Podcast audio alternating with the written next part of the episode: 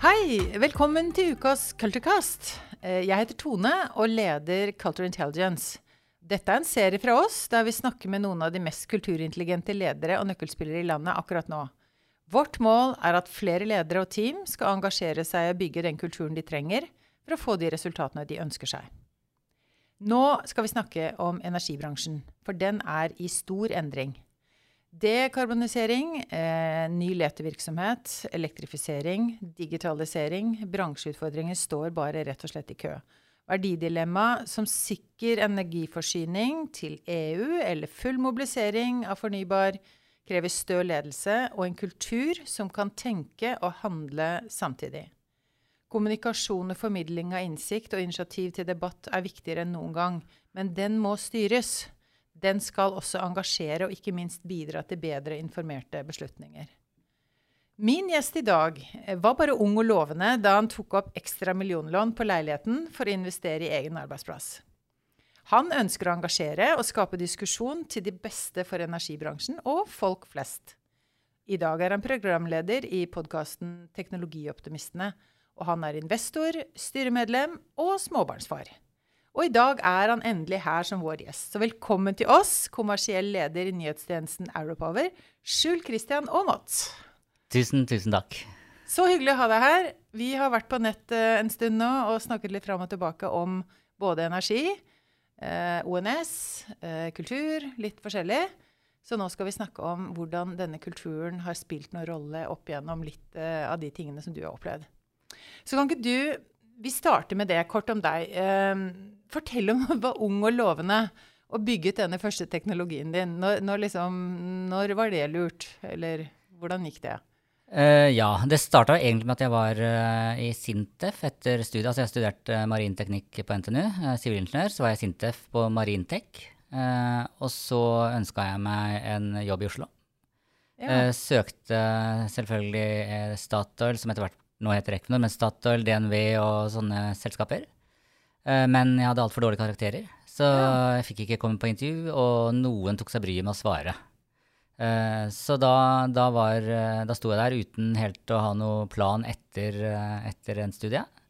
Men så tipsa noen på Marintech meg om et selskap, et startup som het Mintra, der en tidligere forsker ved Marintek eh, jobbet. En forsker og to studenter som han hadde hatt med seg. Så spurte jeg eh, denne personen, da, som heter Ivar Viktil, eh, om eh, jeg kunne komme på intervju. Så sa han nei, for de hadde, ikke, de, de hadde ingen stillinger ledig. Men det var mitt eneste lodd som var igjen. Så jeg sa jo. Så sa han nei, og så sa jeg jo. Og så eh, sa jeg at jeg kan uansett komme innom, for jeg skal hjem eh, til Sarpsborg i påsken eller et eller annet sånt. Og, og, og da kom jeg innom selv om du har sagt nei. Og da lo han litt. Ja, du får komme innom, da. Ja. Eh, og da, da var jeg innom. Eh, og så når intervjuet var ferdig, som var egentlig en presentasjon av meg selv, så sa han at eh, takk for det, Skjul. Eh, du virker som en hyggelig kar, men vi har fortsatt ikke noe jobb. Så da tok jeg toget til Sarpsborg. Men eh, plutselig, da, eh, et halvt år etterpå, så ringer jo Ivar og sier 'nå har vi jobb'. Ja. Eh, og da begynte jeg i Mintra, ja. eh, som da var et startup med utspring fra, fra NTNU og Sintef-miljøet. Eh, og var der i tolv år, og det jeg liker å si, omgitt av ekstremt flinke mennesker i tolv år. Og det, det er en eh, Kall det en velsignelse. Altså det, det, er, det å kunne jobbe med dritflinke folk eh, Mm. er gøy. Eh, og underveis der så ble vi jo da enige om at det vi holdt på med, var, var egentlig verdt noe. Eh, så jeg kjøpte meg opp og tok da opp dette som du henviste til, eh, ekstra millionlån på leiligheten og investerte i egen arbeidsplass. Vi, vi hadde troen på dette. Eh, og så, for å gjøre en lang historie kort, så, så solgte vi da selskapet for rundt en halv milliard i 2014. Eh, og det ga meg jo et sett med muligheter som jeg ikke hadde fått hvis, hvis DNV eller Statoil eller noen av de hadde ville ta meg inn på intervju. En Fantastisk historie. Og litt sånn, tenker jeg, sånn lykkehistorie fra startup-verden som, eh, som ikke alle opplever, da. Som, som eh, noen, ønsker, noen ønsker jo, eller de fleste ønsker jo å få det til, men eh, det er ikke alle som kommer helt dit. Hvordan For å spille rett det der med verdiene med en gang. Eh, Hva er det som gjør at du holder ut eh, og bare insisterer på at du skal inn der, eh, og ikke gir opp? Fordi mange ville jo bare sagt nei vel, men du Altså, fortsetter bare. Hvis jeg hadde fått jobb et annet sted, Ja. så hadde jo ikke dette skjedd. Men det var mitt eneste lodd, og så virka det veldig morsomt å jobbe der. Ja. De jobba med, med noe som var så fremoverlent den gang som CD-rom. Animasjoner på CD-rom. Eh, og skulle lære opp folk i Nordsjøen eh, i helse, miljø og sikkerhet ved hjelp av CD-rom. Eh, og det tenkte jeg at det er jo fremtiden. Ja. Eh, så det virka veldig gøy å jobbe der.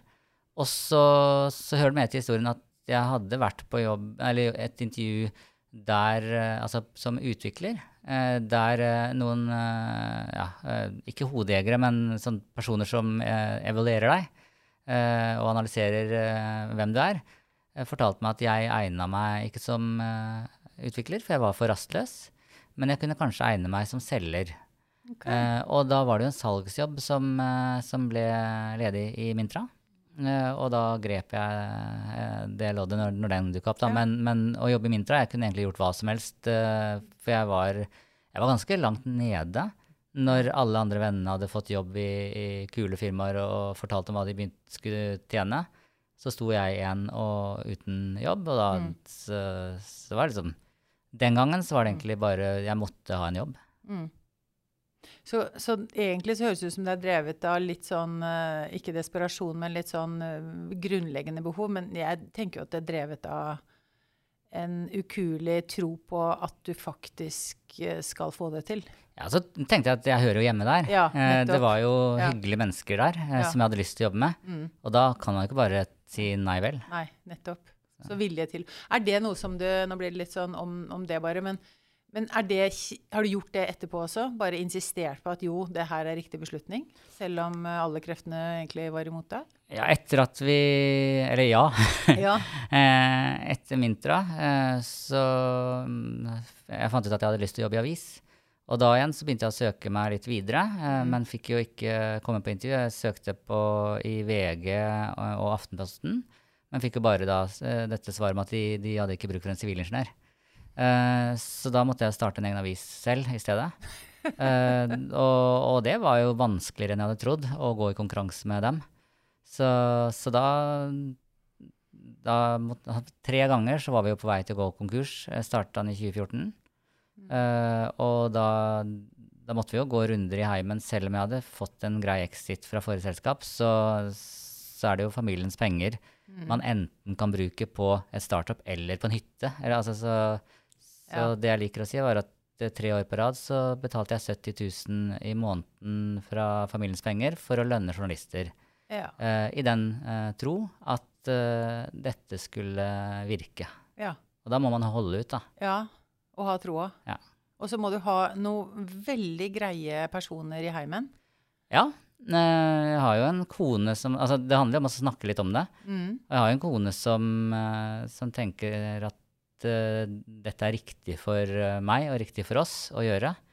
Mm. At det ga meg jeg eh, Og da er man ikke på den aksen lønner det seg, vil vi få en ny exit, men da er man på er det der jeg har det bra? Ja, Eh, fantastisk. og, og, og det var vi ganske enige om at eh, det var det, da. Mm. Hold godt på henne. Ja. Høres veldig, veldig riktig ut.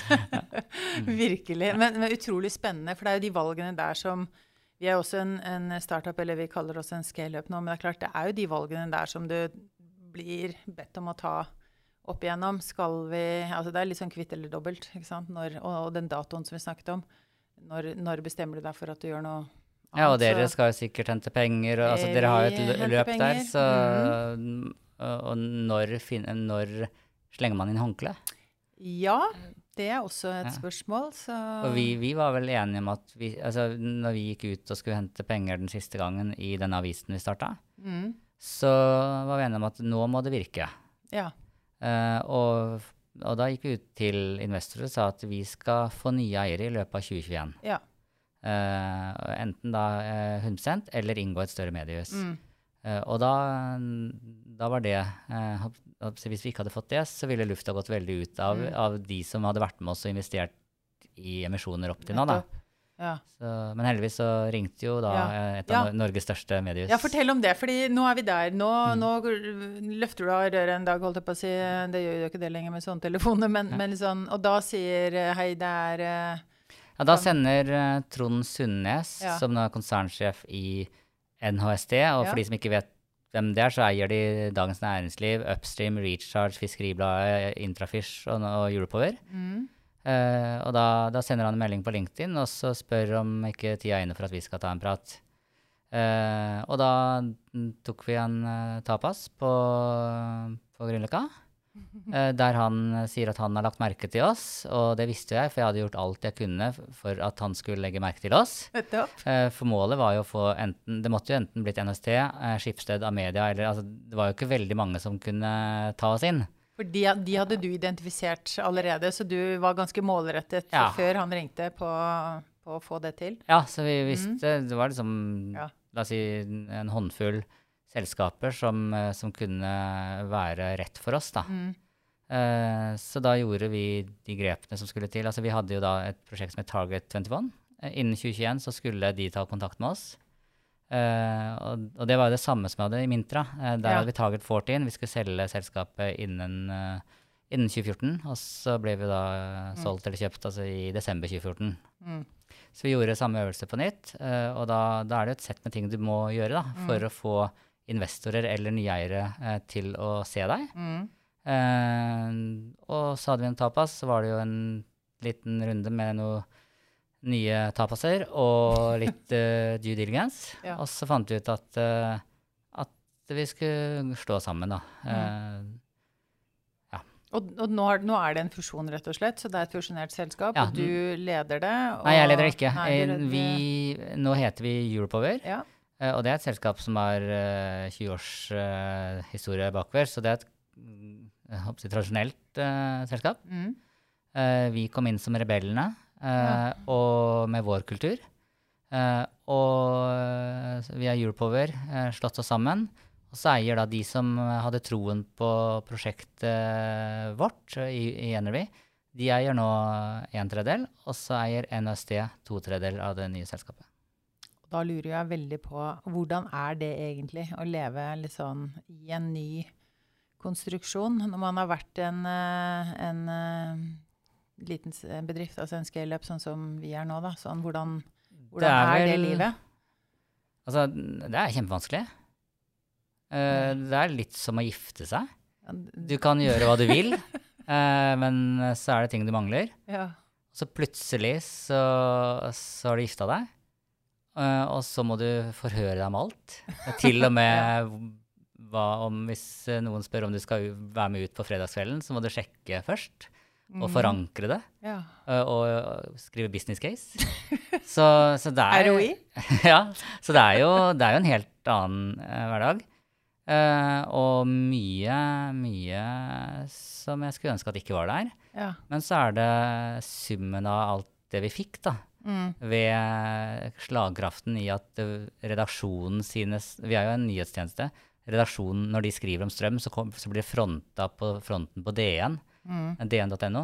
Det er en del sånne ting som vi aldri Eller som vi drømte om Mm. før, men som eh, Så vi har jo fått en trafikkmaskin og et apparat uten like eh, tilbake, da. Mm. Eh, så summen av det mener jeg at eh, går i pluss. Eh, men det, altså, det å sitte og si alt, alt er bare bra, det, det vil være feil. Og så har du fått en masse penger. Ingen penger. Ingen penger! Nei, nå er vi aksjonærene får ikke lov å selge aksjene våre på en, noen år. Så, så vi eh, Altså, jeg kan slutte, men jeg kan Mm. ikke selge aksjene. Nei. Uh, og så er jo da rasjonalet bak en sånn avtale er jo at uh, man har troen på at vi vil jobbe uh, hardt for Mm. å få til noe, Mm. og da, for da får vi mer betalt for aksjene. Og det høres ut som stemmer ganske bra med den du er, eh, ville jeg tenkt, eh, med det lille jeg har hørt om deg. eh. Ja, for meg passer det, Ja, det- fint. Ja. Så Er det enstemmighet i gjengen liksom om at dette, er en bra måte, eller hvordan er det med kulturen nå? eh, altså, det er jo det er jo egentlig, kan ta det på to akser, da. Den, vi som var med inn Mm. og hadde aksjer, Mm.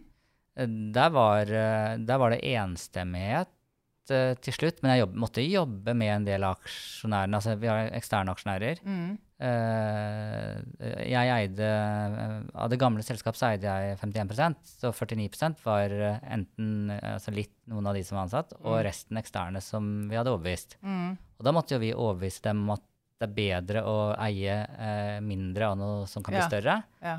Eh, og, og vi fikk jo en enstemmighet der, men de har jo et sett med forventninger til hva vi skal få til i det nye selskapet. Mm. Uh, og så er det de ansatte som vi nå Nå er vi jo ett team. Mm. Uh, og jeg tror vel nå at alle er fornøyd med at fusjonen ble gjennomført, av de som er igjen. Noen slutta. Ja. Eh, og, og sånn vil det alltid være. Ja. Det vil jo ikke alltid være alle som syns at en idé er god. Nei. Så noen slutta. Eh, og de man har igjen eh, da, eh, tror jeg er ganske samstemte. Mm. Men det er som i alle selskap, så er det altså, Man har jo Og dette kan jo du mye mer eh, om enn meg, men man har jo slått sammen to kulturer. Ja. En, en startup-kultur Ja. og en traust, uh, Ja. stort konsernkultur. Så, så jeg har lært meg ordet friksjon. ja. Som, så det har jo vært noe friksjon der, da. Ja, det vil jeg tro.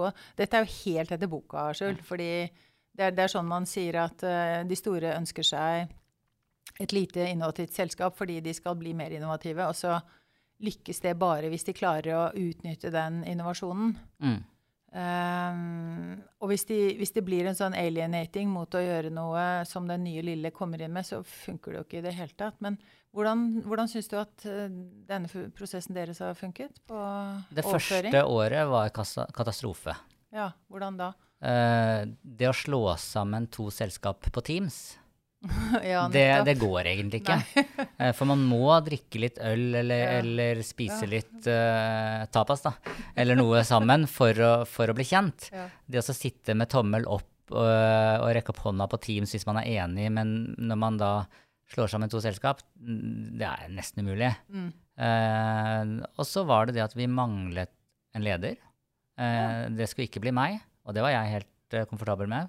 For jeg er altså en redaksjonell leder som da skulle lede selskapet. Mm. Og jeg er best kommersiell, jeg er ikke god redaksjonelt. Mm. Eh, det, skulle, det ble jo da ikke en fra oss, og ikke en fra de vi slo oss sammen med. Eh, og så var det krevende å finne rett person som Mm. kunne ta dette videre. Så vi gikk et år uten leder med, med to ulike kulturer som ikke fikk muligheten til å slå seg sammen. Uh, Pga. at vi ikke fikk treffe hverandre. Ja, nettopp. Eh, og det var et vondt år. Eh, og så høres det ut som det er lenge siden, men det var i fjor. Eh, I eh, 2021. Så fikk vi en leder på plass til å lede selskapet i januar 2022. Ja. Eh, Ole Petter Pedersen. Ja. eh, vi, ja, han, kom, han var nettredaktør i Teknisk Ukeblad, ville heller jobbe hos oss.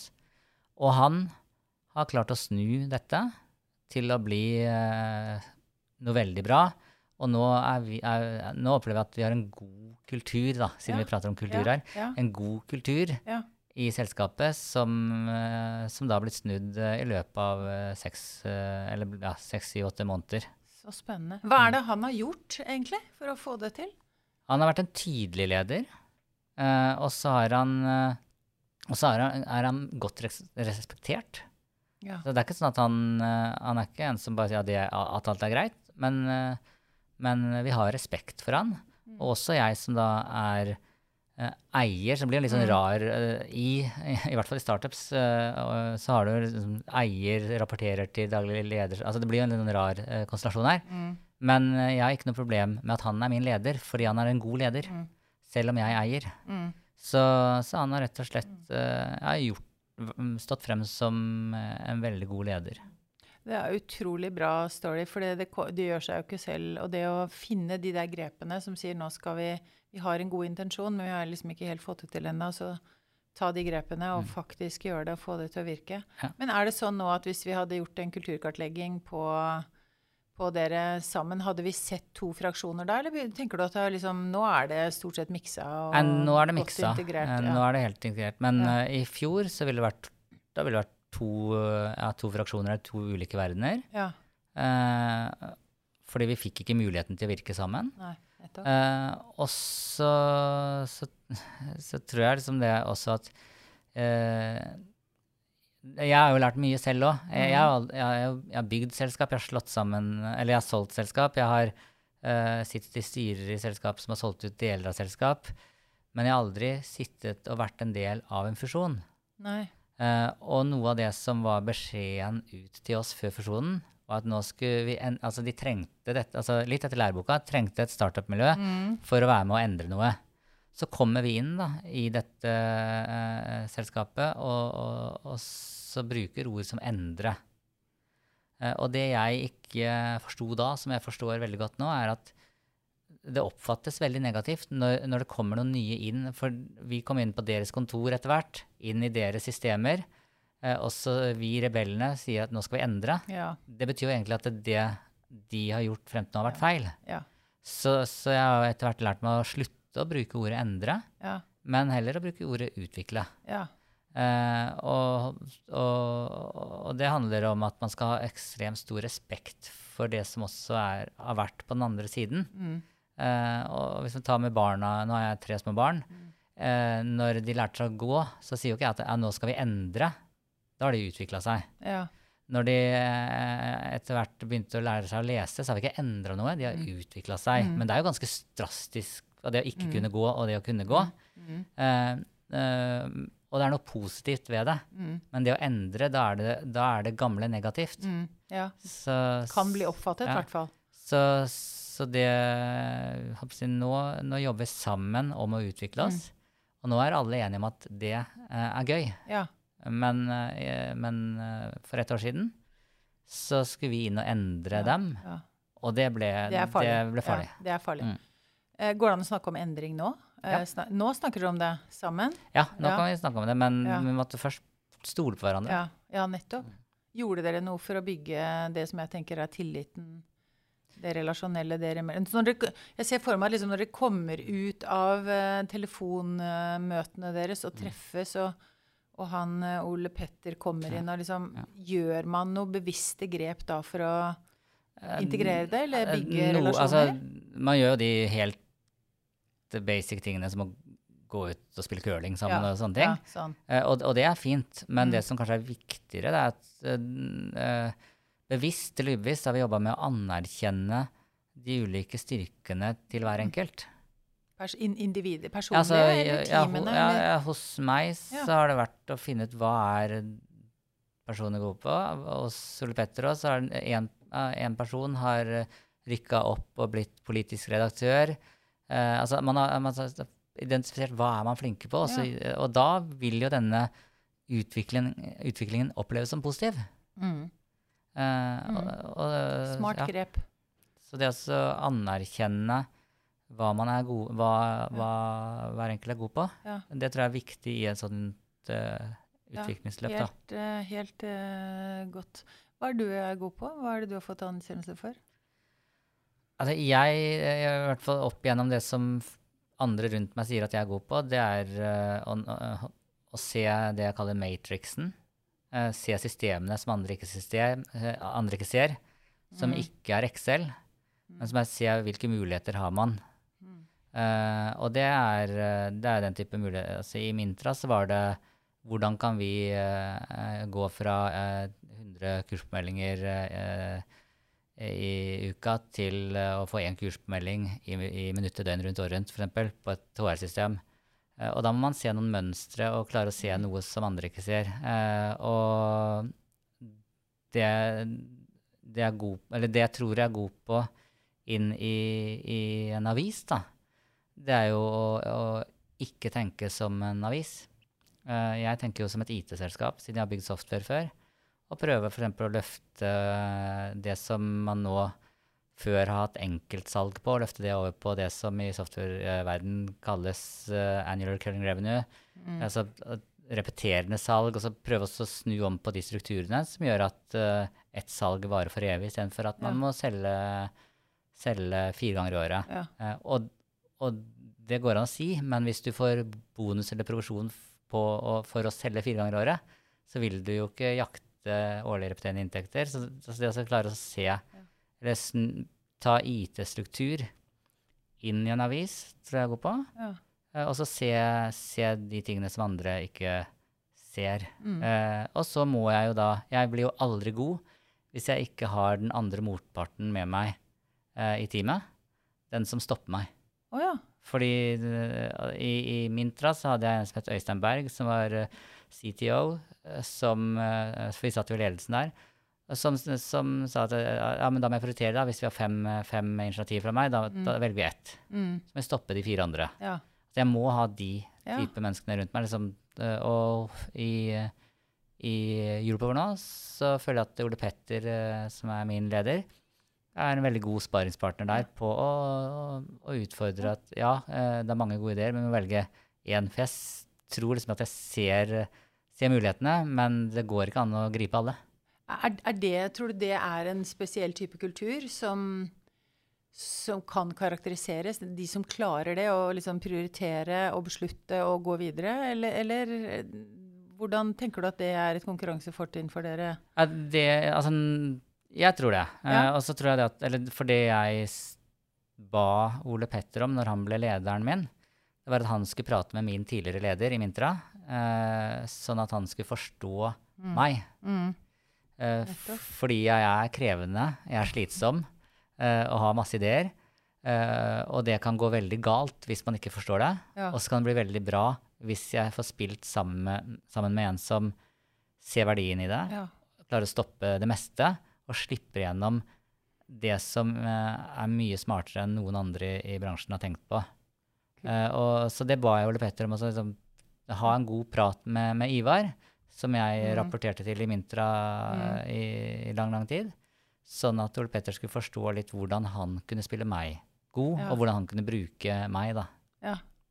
Og, og det handler litt om kultur. Det ja, så- ja, absolutt. Verdier og kultur, Ja. og skjønne hvordan vi virker, og hvordan vi virker Mm. på hverandre. Og det å ha den selvinnsikten er jo helt eh, uvurderlig. Og jeg kjenner jo igjen litt av det som gründer. Altså den derre bare fortsett og fortsett og fortsett, helt til noen må si nei, men vi kan ikke gjøre alt det. Ja, og så er det sånn som for dere, så kan det jo Mhm. komme noe, eller, ja, mm, noe inn fra sidelinjen som gjør at den strategien dere har lagt, eh, kan bli mye bedre om dere svinger veldig raskt. Så da, eh, Ja. Det, det er det som er krevende med, med gründerskap, også Ja. sikkert for dere, at uh, man har jo muligheten til å svinge raskt. Ja.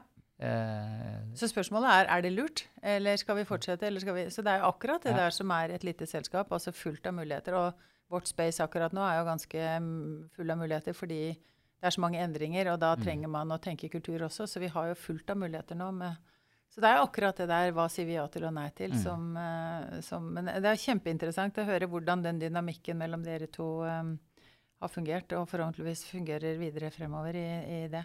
Men du, hva er, eh, hva er en teknologioptimist? Um, jeg er en teknologioptimist, jeg tipper du er det òg. Hva er vi da? Nei, jeg, det er klima, menneskeskapte klimaendringer, eh, mener jeg og, og de aller fleste andre, at det er vår tids største trussel. Mm. Eh, og så kan man eh, se på Man kan se liksom å, nå er det oversvømmelse, nå er det storm, Mm. nå, er det, altså, nå er det tørke. Og så Det er jo til å bli pessimist av. Mm. Så tror jeg at det som, det som vi kan gjøre noe med, eh, og som jeg har troen at kan rett og slett kan eh, være med å gjøre et bidrag, Mm. det er teknologi. Ja. Eh, jeg tror at teknologi kan, altså, kan være med på eh, å, å, å redde kloden, da. Mm. eh, I det store Mm. bildet.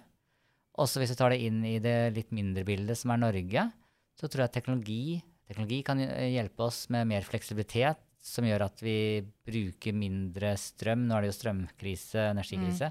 Teknologi kan hjelpe oss til å, bruke, for, å styre forbruket vårt sånn at vi bruker når det er billigst. Teknologi kan løse veldig mye. Mm. Eh, og så er det eh, veldig mange podkaster om, eh, om det grønne skiftet og om energiomstilling osv. Men, men så fant vi et lite space uh, at det er ikke så mange podkaster om IT inn i energi. Nei. Uh, mens uh, mens, det er, mens alle de store energiforetakene prater om at det, det som skal løse de utfordringene vi står overfor nå, det er IT. Mm. Eh, så jeg tenkte at ja, Ja. la oss da lage en podkast om IT i energi. Eller la oss lage det litt eh, optimistisk. Eh, teknologioptimistene. Mm. kult. Da skjønner jeg det. Jeg var jo på ONS, eh, og jeg fikk lov å holde en keynote der. Og det, jo, det var litt sånn målrettet fra min side. Hvordan kan jeg klare det? Og så klarte jeg det. Eh, men den, den, avslutter egentlig litt sånn med å si at uh, den energitransformasjonen som skjer nå, da, som er en av de største prosjektene i Norge, i Industri-Norge, den er egentlig en people transformation. Og, og, den må egentlig forstås på hvordan vi som mennesker klarer å endre oss og klarer å bruke f.eks. mer teknologi, bli litt mer endringsvillige, agile, alt det der.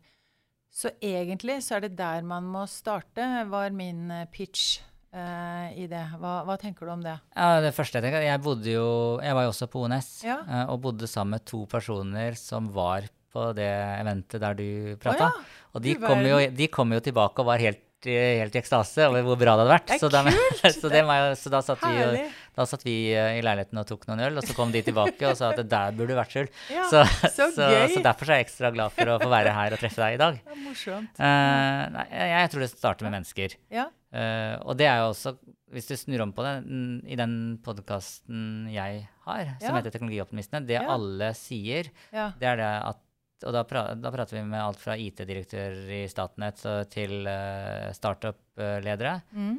At uh, teknologi er bare en liten del av, av, av, det de jobber med å få til. Mm. De jobber med å få til uh, at mennesker skal, skal jobbe annerledes. Mm. Og så er teknologien bare en liten del av det. og da, hvis det gjelder på mikronivå, så, så, gjelder det helt klart også på, på makronivå. Ja. Og så tenker jeg at den omstillingen vi står i nå, den handler jo både om tilbud og etterspørsel. Mm. Eh, etterspørsel handler jo om at vi må etterspørre mindre fossilt og mer fornybart. Mm. Eh, eller få solceller på taket, eller gjøre sånn som i EU nå, så ser det ut som at de skal stille krav om at det blir eh, solceller på alle nye tak. Mm. Så da, da, gjør man jo noe med etterspørselen etter fossilt. Eh, og så er vi nå i en uh, ekstremsituasjon der, uh, der de spillereglene ikke gjelder. Fordi ja, det er for lite Ja. Så uansett hva man hadde produsert energi av, så ville folk hatt det. Mm. Men, men det er ikke sikkert det var evig. Så det handler jo om Mm. at man må få menneskene til å ha lyst til å Mm. bruke fornybart. Gjøre det på en annen måte. og, og det tror jeg det eneste Mm. som teller da, er penger. Mm. Det må lønne seg å, å gå over på fornybart. Mm. Eh, Eller litt sånn glory. Jeg blir en mer anerkjent person ja, ja, men de store massene Ja. tror jeg ikke de, altså På privatnivå så tror jeg sånn å få sol på taket og sånn er Mm. fortsatt såpass dyrt. da. Ja. At uh, det, det kan være mange som har lyst til Mm. det, men man har ikke råd til det. Mm. Så det er, Mm. men, men på, hvis det er på mm, tilbudssiden, altså de som produserer, Mm. så tror jeg det at etter hvert så vil Akkurat nå så er det Hva var det på ONS, altså Ja. i Stavanger? eh, Så var det vel Jaran Rystad, eh, en energianalytiker, som sa at olje har gått fra not to hot. Eh, Nå er, det, nå er vi Mm. alle inne i olje igjen, Mm. fordi Mm. man skjønner at man faktisk akkurat nå, ved, Ja. ved å produsere gass, Ja. hjelper Europa. Ja. Men så tror jeg man vil komme, at pendelen vil gå tilbake igjen etter hvert. Der, eh, der eh, det blir mer attraktivt å jobbe med fornybart. Eh, og, og det handler jo da handler det om at fornybart kanskje tiltrekk, på sikt vil tiltrekke seg de smarteste hodene. Ja, det, det er jo det som er hypotesen, da. Eh, som vi snakket om på ONS, på den, på den både keynote, men også i en sånn paneldebatt det var på, på, hvor de, hvor de er, For det er jo de samme folka. Mm. Det er de samme oljeingeniørene som skal inn og jobbe nå med fornybart. Og riktignok kommer talentene til underveis, men det er jo, det er jo den samme eh, gjengen som vi må ta fra, og som da skal klare å jobbe med mindre marginer og mer kommersielt og, og litt annen teknologi. Og da, da sitter jo nå her og prater om menneskene, Ja, og ikke om teknologien. Ja, ja, ja, Mm. absolutt. Så, så jeg tror du har rett der, da. Ja, ja, men det er jo kjempespennende løp, og, og da burde jo egentlig mye mer fokus være på hvordan skal vi klare den the people transformation, da. Eh, for det er det som egentlig vi må, tenker jeg, starte der. Så, så det er jo den store greia. Ja, hvordan skal vi klare det? Ja, hvordan skal vi klare det? Og det må jo være i vårt hode å få det på agendaen, som all annen science. Altså Mm. komme med noe data som gjør at jeg skjønner hvor vi er. Altså, vi må skjønne hvor vi er. Vi må skjønne at Vi må gjøre en par ting til fra der vi er, for å klare å få til de endringene. Og det er jo det er i hvert fall vår måte å, å gå inn i det på. at det er dataene som hjelper oss å få innsikt, og som gjør at vi kan ta bedre beslutninger sammen. Men jeg tror du er inne på noe her, fordi jeg prata nylig med Ann-Kristin Andersen, eh, styreleder i Glitre. Ja. Eh, og de fusjonerer jo nå med Agder, men i hvert fall frem til eh, nå så er hun styreleder i Glitre. Ja. Uh, og, og, hun sa noe ganske interessant om ledelse, at før så leda man basert på erfaring. Ja. Nå, uh, de lederne som lykkes nå, leder basert på data, for man har ikke tid til å få den erfaringen. For, og, og, da, hvis, en, hvis, de lederne som lykkes nå, eh, må basere seg på data og ikke kan da, da Før så jobba man i to år i den avdelingen, to år i den, og så etter hvert så fikk man nok erfaring til å bli toppleder. Nå er det data. Og det, tenker jeg, det er jo godt nytt for deg da, ja. og ditt firma, ja. at uh, toppledere må styre på data. Ja, det er veldig godt nytt. Og i tillegg til at det er data, du må ha data, så må du egentlig ha eh, folk som skjønner å bruke data, og kan, kan se altså vi, vi, kaller det noen ganger sånn organisasjonsmessig konduktivitet fra fysikken. Du henter eh, data fra utsiden, tar det med på innsiden, eh, prosesserer det og responderer tilbake til utsiden. Og hvor fort den loopen går, og med hvilken kvalitet responsen kommer tilbake, det er jo ledelse, eh, ledningledelse, men det er jo også godt, eh, en god modell for ledelse av folk. Hvor bra klarer vi å respondere på de endrede rammebetingelsene som vi har. Og når den strategiske horisonten blir kortere og kortere, for vi klarer ikke å se så langt lenger, for det går så fort med alle endringer, så er egentlig det det beste du har. Det er en gjeng som er smarte nok til å bruke data til å ta beslutninger som er, blir gode. Og, og det, er, det, er, det vi jakter på. Det er liksom den ultimate sånn, sannheten, tenker mm. jeg på. Og hvordan skal vi klare å bygge det? Og da må vi, da må vi inn og, og, kunne kartlegge og kunne, kunne etablere et rammeverk som man har muligheten til å forstå hva er det vi har i dag, eh, systemet rundt oss, og hva trenger vi mer av. for å da få må man ha culture intelligence? Det kan hende, eller tilsvarende, vil jeg være ydmyk nok til å si. Men man trenger i hvert fall data for, å, mm. for å, forstå det bedre. Så, så der, der, er vi, da. Um, men um, det, det, du har vært med på, Skjul, det er jo nå å på en måte sette data inn i en energi eh, inn i en av spacene i det kanskje den viktigste i Norge, altså energi, eh, og hvordan vi kan få til innsikt, og det som vi kaller da mer innsikt, så vi kan gjøre endringene. Men hvor, hvor ser du for deg at dette går? Hva, hvordan ser dette ut om Altså du, du, sa sånn, du, sa sånn, Mintra 2014 og Target 2021. Hvordan ser det ut uh, Energi 2023? Hvordan jeg tenker på vårt selskap. Ja, ja, ja. Nå har vi satt, altså, som sagt, jeg, jeg har veldig troen på det også. Du skal sette tydelige mål, du skal si det høyt, uh, og det må være uh, datobestemt.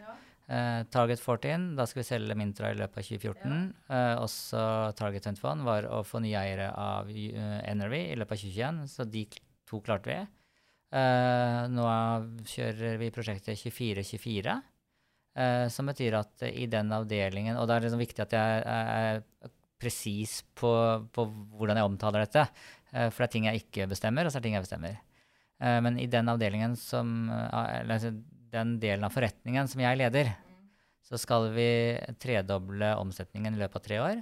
Vi skal omsette for 24 millioner i 2024. Og så hvis man sjekker på proff osv., så, videre, så vil det være noen andre tall. Hvis vi lykkes, så vil tallet på hele selskapet være større, fordi jeg har ikke ansvar for abonnement. Og abonnement ligger inn i konsern sammen med ene og det andre. Så, så jeg får lov å da sette, gå ut og si høyt de målene som, eh, som eh, vi jobber etter nå, da. Og det er 24-24. Eh, og da har vi dårlig tid. Og, hva slags vi, kultur trenger du da? Det er nøkkelspørsmålet. Da trenger jeg eh, altså, Eller som leder så er det ikke viktig for meg å bli godt likt. Men eh, det er viktig for meg at de skal like å jobbe med meg. Og det er to litt forskjellige ting. Spennende. Uh, uh, de, når vi, Den dagen de slutter, eller jeg slutter, så skal de ha satt pris på å jobbe i teamet mitt. Det betyr ikke at de ikke skal være irritert på meg. Nei. Uh, for, for, jeg prøver å provosere daglig, i hvert fall ukentlig, for å få frem reaksjoner. Og, og, det er den kulturen jeg har tro på. Der da er det kollekt... Altså, for hvis jeg ikke provoserer, og hvis folk egentlig bare sitter og gjør som jeg sier, så, så blir vi ikke bedre enn meg. Ja, og dette høres veldig, veldig sånn floskler ut, men, men, men, jeg tror det er mange som glemmer det at, at man, man, klarer bare å tredoble eh, tredoble omsetningen. Eller sånn som vi gjorde med Intra, man klarer bare å få et selskap til å bli verdt en halv milliard hvis man får ut det beste av alle. Mm. Uh, hadde bare vært mm. lederen, så hadde man aldri klart den veksten. Det var det at når lederen var syk, så, jobba, så sto resten av teamet på. Uh, og, og, når en var sykemeldt, så, fikk, uh, så, var det ikke bare blomster fra ledelsen, men da, da dro vi på besøk til hverandre og tok med fiskestang. Eller, altså, altså vi, man må ha en kultur der man bryr seg om hverandre da, for, å, for å nå 24-24. Uh, og, og, så det som jeg tror er ekstremt viktig hos oss, uh, eller som, men det jeg tror på, det er, uh, er, at alle skal få være med å bestemme, og bli tvunget til å være med å bestemme, også de som syns det er litt vanskelig. og så handler det om å bygge og få det rette laget, sånn at man altså Jeg har spilt litt, spilt litt i band før, og da må det være ikke fem trommiser, da og ikke fem bassister. Man prøver også å finne, bygge team der man har ulike kvaliteter. Og, det, eh, og jeg sa at jeg var omgitt av masse flinke folk i Mintra i tolv år. Jeg føler at jeg er det samme nå i Europower med, med, med, Pia og Lisa, og nå får vi etter hvert en til på kommersiell tiden som begynner i januar, uh, som er ganske ulike oss. Uh, og da handler det om da skal, ja, de skal, Det er ikke så viktig at de liker meg, men de skal like å jobbe med meg. Det er ikke en floskel, det der, vet du, fordi du snakker deg akkurat inn i um, han gamle forskeren som uh, dessverre ikke er her lenger, men som jeg har lent meg veldig på. Han definerte ulike typer ledermindset, og en av de tingene var liksom servant leadership. Han sier det i forskjell til en samarbeidskultur, uh, hvor, hvor, du har konsensus, og alle får liksom Du venter med å ta beslutninger til all, alle har rekt opp hånda, og du blir enig. mens en servant leader vil, vil sende folka foran og, og, ta tøffe beslutninger når det trengs, men sørge for at uh, det er de som eier det. Så du, har, du snakket deg nydelig inn i, i den modellen, så veldig interessant å høre. Og, og det, det, er jo en krevende stil. For når noen blir uh, imot, eller noen blir lei seg, eller noen blir uh, eh, sinte, så, så, må man jo håndtere det òg. Og det er jo noe av det som er eh, det virkelig gode lederskapet, når du får til det. Og, ja, jeg, og jeg balanserer, ja. Eh, og nå, nå antar jeg at de også vil lytte til denne podkasten, da. Så, men jeg balanserer, balanserer litt med mm. vilje på å prøve å irritere, prøve å provosere litt, for å få frem et motsvar. Fordi, fordi jeg tror at de sitter med noe som jeg ikke har skjønt, som kan være en del av denne ligningen. Det er spennende, da. Jeg håper at vi gjør et prosjekt sammen noen gang. For ja. det, det, der høres uh, utrolig spennende ut, uh, rett og slett. Uh, vi skal gå inn for landing. Det, det, nå løp typen veldig. Men i, i, den reisen her, eller på den reisen, hva har du lært om deg selv? Jeg er litt inne på det, men hva er det viktigste du har lært om deg selv? Jeg, altså, jeg tror jeg vet hva jeg er god på, men kanskje viktigere, jeg vet hva jeg ikke er god på. Mm. sånn at jeg må ha flinke mennesker rundt meg for å lykkes. Uh, og så, så, er jo ikke det viktigste her i livet at jeg skal lykkes, men hvis spørsmålet er om meg, uh, så må jeg ha flinke mennesker rundt meg. Ja. Uh, for, som liksom kan spille meg god, og da tror jeg jeg kan spille tilbake, sånn at vi blir et bra lag. Mm. trenger ikke så veldig mange flere som meg. Det, det, er nok med meg. ikke flere av disse, takk. Det har jeg tenkt noen ganger òg. Men det er kanskje et sånn gründersyndrom. Um, kan ikke du gi et råd til ledere uti der nå, bare basert på liksom alt det vi har snakket om? og La oss rette oss mot energibransjen. Hva, hva, vil du si uh, inn For nå er det spennende, den bransjen deres nå. Nå er det skikkelig mye som foregår. Hva, hva vil du si er det viktigste for en leder nå i bransjen? I hvert fall det viktigste hos oss, det, var, det har vært å ha troen på menneskene. Altså, eh, for når vi kom inn uh, gjennom fusjonen, så var det mye mistro. Uh, man så på hverandre på avstand, og, og, ja. Så ting ble ikke bra før vi begynte å anerkjenne, ha troen på hverandre. Og jeg tror det Altså, jeg møter Altså, jeg møter så mange som, som prater om at folk slutter, og, og at det er vanskelig å få tak i folk. Jeg tenker det at uh, hvis man jobber for å gjøre de ansatte så attraktive at de blir forsøkt headhenta ut, men velger å bli, da har du lykkes. Mm. Hva om de velger å gå, da? Da skal de få gå, Ja. eh, men da må du gjøre noe med Og og forhåpentligvis ikke med lønn. For det må være andre ting som skal gjøre at man har lyst til å jobbe der, enn lønn. Mm. Eh, lønn er en del av ligningen, men Mm. da må du gjøre noe som gjør at man har lyst til å bli. Og jeg tenker at eh, igjen da, Hvis vi tar dette ekteskapet eh, hvis, eh, jeg si, hvis du er så attraktiv at eh, du blir lagt, blir lagt merke til og får selvtillit der ute, men tenker at nei, ja, mm, ja, det er hyggelig det, men jeg har lyst til å få være her hjemme, da tror jeg det er bra. Da, da føler du deg vel, samtidig som du vet at du er på rett plass. Og sånn tenker jeg at det kan være med, med jobb òg. Hvis, hvis du får eh, Eller jeg håper at de i teamet mitt får en del telefoner fremover fordi de blir lagt merke til, fordi det vi gjør, er bra. Og så må, må vi bare legge til rette sånn at de sier takk, men nei takk. Og jeg tenker det, hvis, det er det rådet jeg vil gi til ledere. da. Veldig tydelig og veldig bra. Og jeg tror vi Det, det blir siste, siste pitchen på det. Så mm, masse lykke til med 2024. 24-24 var det. 24-24 må være lett å huske. Det som er lett å Mm. huske. Veldig kult mål. Jeg kommer til å følge med på hvordan det går med dere, selvfølgelig. Så, men takk for at du er her og deler, eh, Skjul. Og masse lykke til. Takk for at jeg fikk komme.